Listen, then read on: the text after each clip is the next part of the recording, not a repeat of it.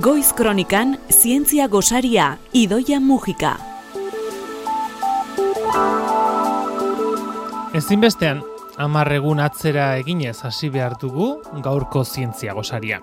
Aitortuko dizuet, albiste irakurri nuenean, ondoan dudan emakume honekin gogoratu nintzela. Tarte honetan hiru urtetan zer, ja da, irugarren denboraldia dugun zientzia gosari honetan behin baino gehiagotan aipatu dugulako Eureka Zientzia Musea. Edo aipatu digulako Eureka Zientzia Museoa idoia mugika, materiaren fizika zentruko komunikazio eta divulgazio arduradunak, kaixo idoia. Kaixo, Berala helduko diogu horri, baina hain justu albistea azaroaren atarian iritsi da, zientziaroa izan oiden azaroan, eta zuek urtero bezala idoia, ke sabemos de zikloa murgilduta zaudete uneotan? Hori da, e, bueno, igandea dugu gaur, ostiralean eman genion hasiera ziklo honi, zientziastearen baitan, zientziasteare ospatu degula, aktivitate pila batekin, bakizue, ba, zientziaren zabalkundean munduan mugitzen geranak, hainbat eta hainbat ekitaldi antolatzen ditu, baina ez dakit zergatik beti azaroa, izaten da gure hilabetea, bueno, loait ez egiteko, ez? Eta ostiralean eman genion hasiera esan bezala, baina ostiralero izango gera. Ostiralero izango gera, eta bakaleran kutsa kulturrek daukan laugarren solairuan hor plaza zoragarri dauka, eta ba, bereekin kolaborazioan materialen fisika zentrotik, zesikek ekoizten duen kesa de zikloa ekartzen dugu urtero, aurten bosgarren urtea. Eta ia esateko oso kartel politak gelitu zaigu bigotz. Eta benetan animatu nahi dugu jendea parte hartzea, ba, ekizu horren gaina segurtasun neurriak ba, pixkat malgutu dira. Bai, eta bertaratu izango gera. Kaso batzuetan zuzenean ere izlaria izango dugu bertan, eta beste batzuetan konexioa egiteko Mhm. den zuzenean, eta ba, zinera jungo bagina bezala, ba, itzaldi bat e, entzuteko elkarrekin, gaina zuzenean izlaria gurekin solasaldian sortzeko. Egia esateko joan den urtean horrela egin genuen eta oso giro polita sortu zan, ze ez da gauza bera ba, zure etxean, zure telebistaren Bai. aurrean, e, zientzia itzaldi bat ikustea, edo bertaratzea, eta gero ba, Jendearekin elkarbanatu ze ikustea. Bai, gero beste potetxo bat hartzea joan ginen eta jarraitzezu pixka solasaldia. Da orduan aurkeztu nahi nizuen hori datozen gelitzen zaizkigun hiru hitzaldiak, zen ikuste benetan pena berezi dutela, e, alba ez dute esan bezala hurbildu eta bestela betxetikan ikusi ze badaukagu streaming ere.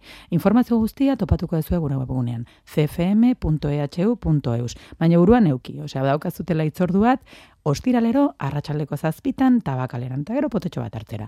Datorren astiralean adibidez, el agua es rara, eh, ura arraroa omen da. Hori kontatuko digo Silvina Perbenik, Silvina gaina gure ikerketa zilde zentruko ikerlaria da, bako garria, eta atzo bertan esaten zian, e, pixka bat maila jetxiko ez uste oso teknikoa egin detela, eta nahi dut benetan jendea ulertzea. Jendearen orduan- gana iritsi. Hori da. Bai, aukeratzen ditugun izlariak ere saiatzen gera ba, pixka bat eukitzea konpromesu hori, ez? Ba, erabiliko duten hizkuntza eta tratatuko dituzten gaiak izan daitezela gaur egunekoak beraien ikerketaren xehetasunean sartzen dira, baina beti ere kontutan aurkita ba, aurrean dagoen publikoa edo zein izan daitekela eta horrela behar duela izan. Orduan ikiko dugu ura arraroa omen dela kontat- kontatuko dugu Silbinas, Silbinak eta zakit gogoratzen zeaten, baina joan den urtean etorri izan Isabel Sola, gero ba, albizegi guztietan, egondala egunkari guztietan, zebera zesikeko koronaviruseko ikerketa buru da, eta beraie koiztu dute ba, e, txarto bat. Et, e, Espainian egindan txarto bakarra koronavirusaren kontra, ez? Gure SARS-CoV-2 honen kontra. Ba, berarekin bat, talde horretan lan egiten duen Luisen Juanes eukiko dugu. Horiek, hori azaroaren emeretzean. Azaroaren emeretzian, bai. Ostiralero itzalditxo bat. Orduan, ura lehenengo ostiralean, Covida eh, bigarrenean. Covida bigarrenean, gaina benetan Luisen Juanes punta puntako ikerlari Mhm. badala, hogeita hamabost urte dara gizon honek koronavirusen eh, mundua ikertzen, eta ba, referente bada. Eta azkenekoa, deitzen da, desmontando mitos alimentarios a conciencia. Da- Elikaduraren inguruan beraz. Elikaduraren inguruan. Ba, zientziak zer esan dauka, ba, pixka bat, elikadurarekin ari dan mundu guztia osortzen, ba, glutena bai, glutena ez,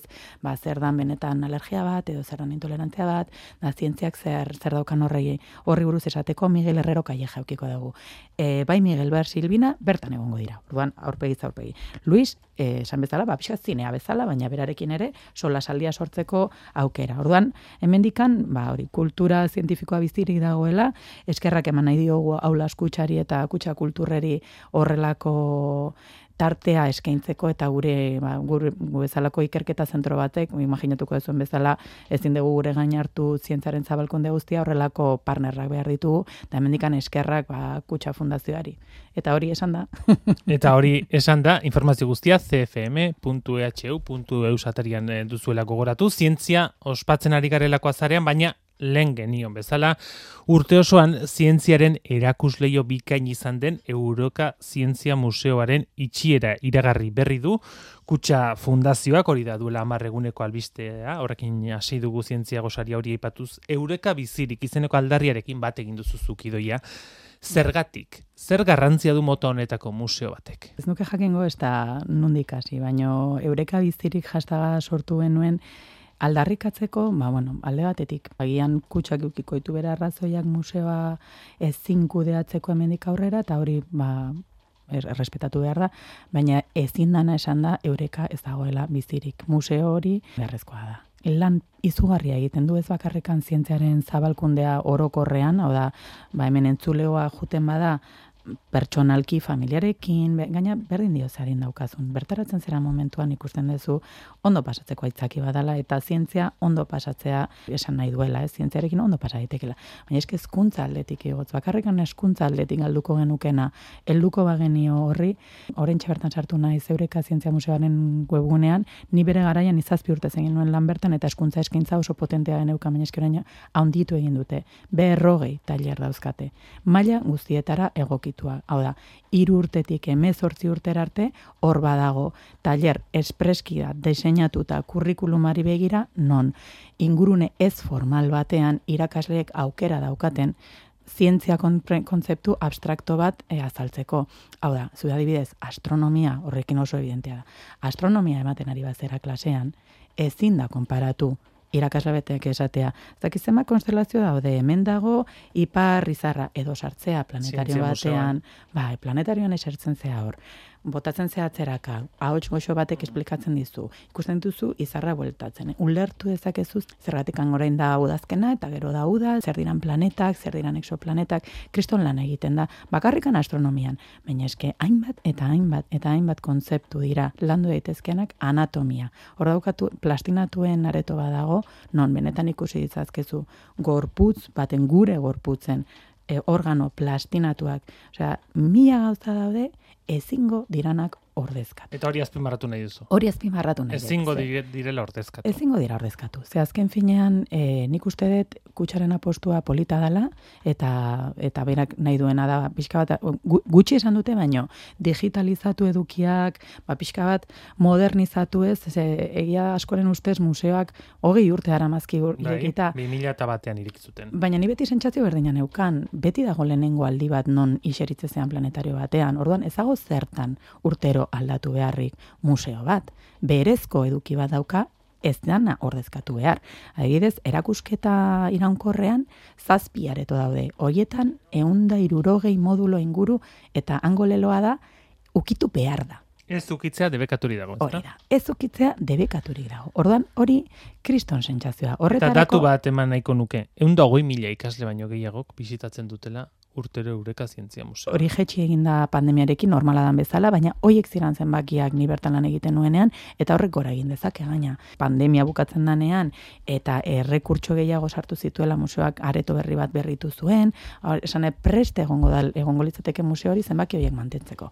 Eta ez dira zenbaki txikiak. Jasotzen ari naizki naiz mezu asko irakasleen mundutik dator, baina baita pertsonalki familia askok eta askok esan diate. Da orduan orain zein izango da Donostian plana. A, zinez, zeintzuk izango dira aukerak, ba, tipat umeak dauzkagun entzat, ez? Zientzia urbildu arazteko modu... Zientzia urbildu arazteko, eta ez zientzia, ze bai, santelmo daukagu, aukarima daukagu, zora garri, baino, baina ez da, ez da beste aukera egot, mhm. eta aukera publikoak oso gutxi. Hor jarri nahiko nuke ere enfasia esateko, zergatik ez dugu hau publiko bihurtzen. Bide, ez bide batez ezagutzen ez duenak, aukera bikaina duela, eureka zientzia bai, museora bai, joateko. Elduak diranak, asko etortzen dira, ba, beraien hilobak edo dinanakoak laguntzeko, baina bukatzen dute zora garri pasatzen. Han, han asteburu batean baldin mazoaz, erakusketen onkorraz aparte, planetariumaz aparte, beti daude animazioak, ikuskizunak, antolatzen dituzte robotika tailerrak, orain txebertan antolatu dute adibidez, DIPC-rekin e, zientzia eta jedreza. Bihar, astelenean, topaketa bat egongo da, berreun ikasle eta hogeita amabos profesionalen artean. E, eta argi dago zuen zunda eta pasio zari zaraizketan, eta paperi begiratu ere egin gabe, ze argi dago e, bai, bizi duzula eta, bai. eta ezagutzen duzula ongi, baina ez da bakarrik gaztei e, divulgazio zientifiko egiteko, edo aurre divulgazio zientifiko egiteko, orain zenio bezala, elkarlanerako ere gune garrantzitsua izan da azken urteetan. Dudari gabe, DIPC, ba, Donosti International Physics Center, edo gure materialen fizika zentroa, biomagune, nik ezakitzen bat eta zenbat e, ikerketa zentrok, beraiekin elkarlanean aritu gera, eta horrein bertan aipatu dizuana, bihar, hogeita amabost profesional egongo dira, zientziaren mundukoak, bakoitza bere esparrutik etorriko da, ikasleekin biltzeko epizentroa Eureka Zientzia Museoa zan. Eta ez bazan gehiago zan, ba bait, kutsak etzeukalako askotan oso argi zeun kutsaren zuzendaritzan ondikan zejoan, orduan nik pentsatzen dut abantaila bat izan daitekela hau e, publikoki asumituko bazan, benetan Eureka Zientzia Museoa geure ganatu dezagun eta sentitu dezagun errekurtso badala ezinbestekoa dana Euskal Herrian zezue, pentsa. Euskal Herrian ez dago beste zientzia, museorik. Ez dago, jun behar zera akoruñara, han kriston apostu publiko egin zan zientzia, benetan bermatzeko eta zientziaren zabalkundeari bultzada bat emateko hiru museo dauzkate. Madridera joan beharko zineteke bestela, Bartzelonara, Euskal Herrian, eta Euskal Herrian eh, hitz egiten naizenean baita ere Nafarroa, bai? Nafarroa, Nafarroan planetaren propioa bai. daukate eta beraiekin gaina oso kolaborazio politiak egiten ziran, zetza zue pentsan kompetentzia da, dana da beharrezkoa ez gabiltza hain, hain, ez sobrante, sobrante eh, errekurtsoak zientzia zabaltzeko, eta guretzako balanean eh, ikerketan lanean ari geran agenteentzat, ba oso, oso leku politxa zan eta eta oso leku beharrezkoa. Bertan ba, aipatutako topaketak egiteko adibidez, DIPCek topa DIPC antolatzen zuen Nobel sarien eta ikasleen arteko topaketa. Taimat eta taimat gauza. Argi gelditu zaigu bai, bai, zure mezua, e, idoia argi gelditu zaigu Eureka Zientzia Museoaren e, garrantzia. Galdera bat ere egin duzu idatzi zekarri duzun gidoi hortan, gizarte bezala ze gizarte mota nahi dugu. Horrelako erabakietan erantzuten dela hori. Hori da, zer, zer eran galtzen eta zer eran sustatzen, ez? Zer zein nahi dugu izan? Nahi aldego izan benetan, ba, nik uste gizarte baten... Jakintzaren eh, gizarte bat. Bai, baina baita ere begiratzen, ba, zer definitzen duen gizarte bat, ba, osasuntxua izatea, ez? Baldibidez, osasuna berak, osakidetza, zerbitzu potente bat euki behar dugu eta hori bermatuta egon beharra. Baita ere hezkuntza ezinbesteko, baina eskenik irugarren planoan kultura sartuko nuke dudari gabe. Eta kulturaren baitan zientzia. Eta gaina, aurreko bietan, zientzia ere nolabait transversarki sartuta egotea zinbestekoa dela. Hau da, e, sistema osasuntxu hon bat izateko, ikerketa potente bat euki behar dezu ikusi dugu koronavirusarekin, zein da benetazko zientziaren garrantzia. Ez da esatea, euli bat jarri dut bueltan er, satelite batean, hori ere izango da, baina hemen egiten dugun ikerketa, zuzenduta dago gizartera, zuzenduta dago, ba, botikak egitea, materialak egitea, zuzenduta dago gure gure obe, obe beharra bilatzen. Orduan, ze ez nahi dugu sustatu, ba, nik uste argi egon behar dela, kultura sustatu nahi dugula, eta kultura zientifikoa izan behar dela, kultura hori. Eta horretarako, ba, santelmo daukagun bezala, akuarima daukagun bezala, edo onkologikoa geneukan bezala, ba, kutsak utzi zuen ulergarria, osakidetzak hartu zuen zuzenean. Ba, nik espero detena da, hemendikan, ba, urte batera edo behar den denbora hartzea, benetan kontuak botatzeko ondo, ze gaina hori nik usteet hor gardentasun e, ariketa bat egon behar dela esateko, zenba balio du benetan, hau? Zenba balioko, zenba kosatuko lioken jendeari, hau irekita mantentzea, nundik anatera eteke diru hori, eta pena merezi aldu. Pena merezi duela ni oso argi daukat, baina gaina usteet ez litzatekela hainbeste izango jendea pixkat, harrituko litzatekela, ze, ze ez da hainbeste diru izango. Mezu argi gelditu zaigu eta eskerrak ematea besterik zaigu gelditzen. Jarraituko dugu kontatzen Euskadi Irratian e, gertatzen dena eta zientzia gosarian gure aletxoa jartzen igandero divulgazio zientifikoari. Ezkarrik asko zuei zuen mikroagatik, benetan.